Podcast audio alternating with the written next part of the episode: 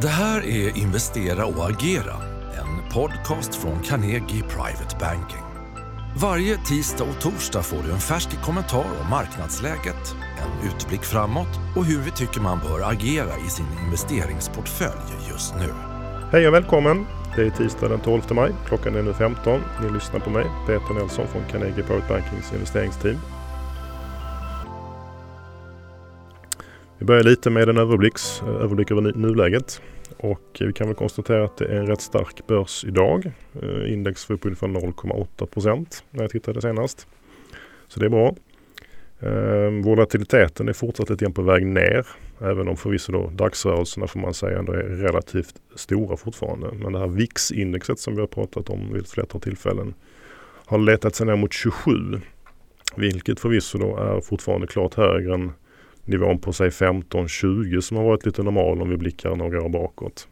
Å andra sidan var då det här eh, indexet uppe på hela 80 när det var som värst i, i mars. Så att 27 är ändå en betydligt lägre siffra då, men fortfarande har vi alltså inte någon en normal volatilitet kan vi säga. Den är fortfarande då lite högre än vad vi historiskt har haft. Men det är inte så konstigt heller med tanke på att saker och ting inte riktigt är normala än.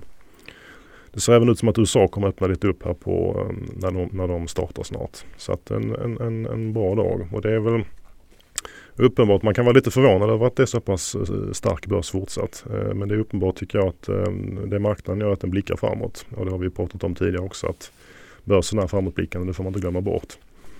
Eh, och nu är det mycket fokus på att vi ser ekonomier som öppnar och samhällen som öppnar. Folk börjar gå tillbaka till sina jobb i en större utsträckning. Folk börjar röra lite grann på sig mer i samhället. Då brukar konsumtionen också gå upp. Det vill säga det börjar återgå lite grann till det normala läget. Och det sprids väl här lite grann en, en, eh, både tro och en förhoppning kan man säga. Att det värsta, det värsta vi har sett har varit april och även då maj. Men att eh, så småningom ska det här då börja lugna ner sig lite grann.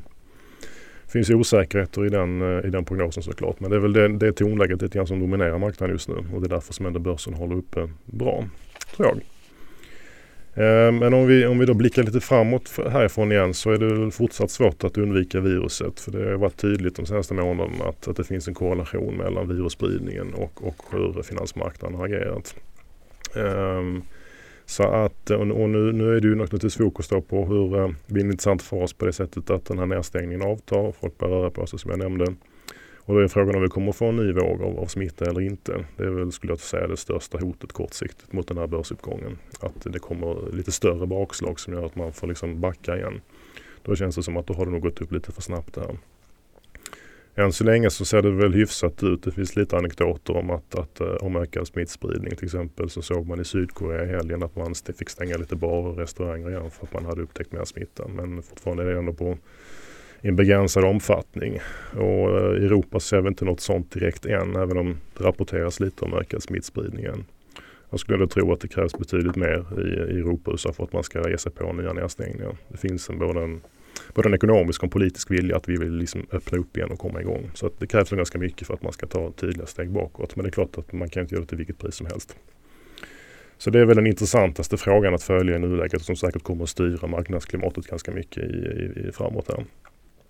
Sen får vi ju även ta med den här växande konflikten mellan USA och Kina i, i, eh, i beräkningen. Eh, den har ju funnits tidigare men har väl lite grann glömts bort under den värsta coronaturbulensen. Men vi ser nu att den, den, finns kvar eh, och vad det innebär för, för framtiden är ganska oklart. Men det är klart att så fort konflikten eskalerar så, så får den viss påverkan på, på, på börserna.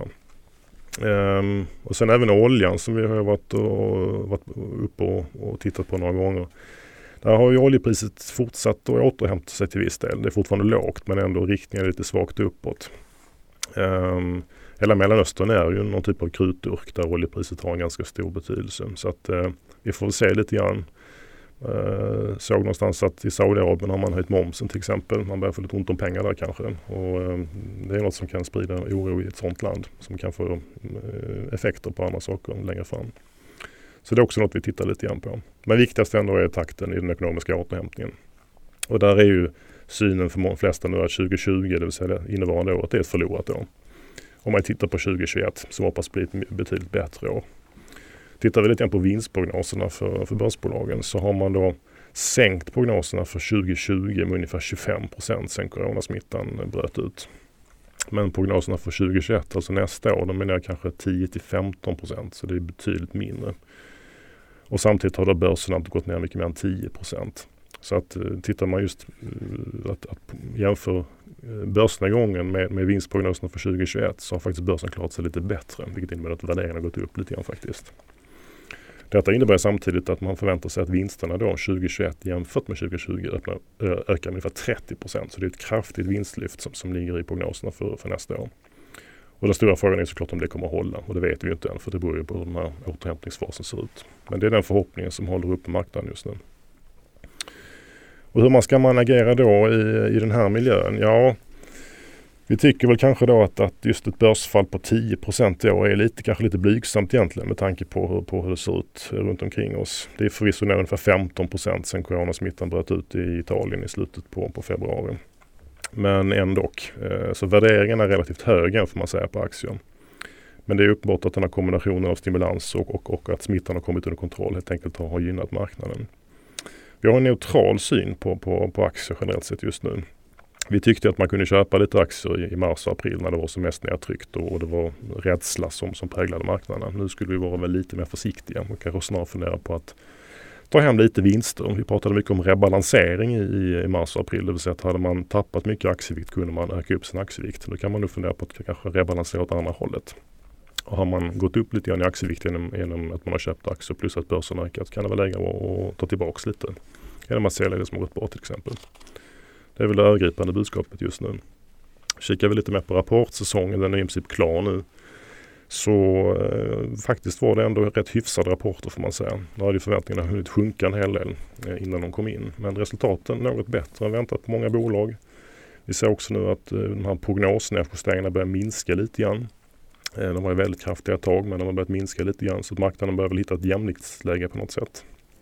Några aktier som vi tycker har varit värda att öka i på sistone i våra portföljer det är Electrolux. Som egentligen är ett bolag som brukar ha ganska mycket problem. Men vi tycker bara att aktien har gått helt enkelt för dåligt egentligen det sista halvåret i princip. Dessutom är det ett av bolagen som vinner på att eh, många insatspriser har sjunkit, till exempel oljan. Det gynnar faktiskt eh, vinstutvecklingen i ett bolag som Electrolux. Så den, den, den är billig helt enkelt. Därför tycker vi att det kan vara en sån eftersläpare som man kan, man kan ha lite mer Så den har vi köpt lite grann i. Hexagon är också ett bolag som vi gillar. Det är en långsiktig placering som är en vinnare på många av de megatrender vi ser i samhället. Så det är ett bolag som vi också har ökat upp lite grann den senaste tiden. Och sen kan jag även nämna lilla Recipharm. Ett läkemedelsbolag som kom med jättefin rapport för några dagar sedan. Eh, lågt värderad aktie. Där har vi en nyemission eh, framför eh, i, som kommer här. Som nog gör att kursen är lite pressad. Det brukar vara så när bolag gör nyemission. De har gjort ett stort engelskt förvärv som de ska finansiera. Men på lång sikt tycker vi också att det ser spännande ut. Vi har tagit lite vinst i några bolag då också. Lifco ett sånt har gått väldigt bra. Vi tycker det är ett fint långsiktigt bolag men eh, de kommer att påverkas mycket av konjunkturnedgången och den har gått som sagt bra på sistone. Även Evolution Gaming som har varit en vinnare under en lång period.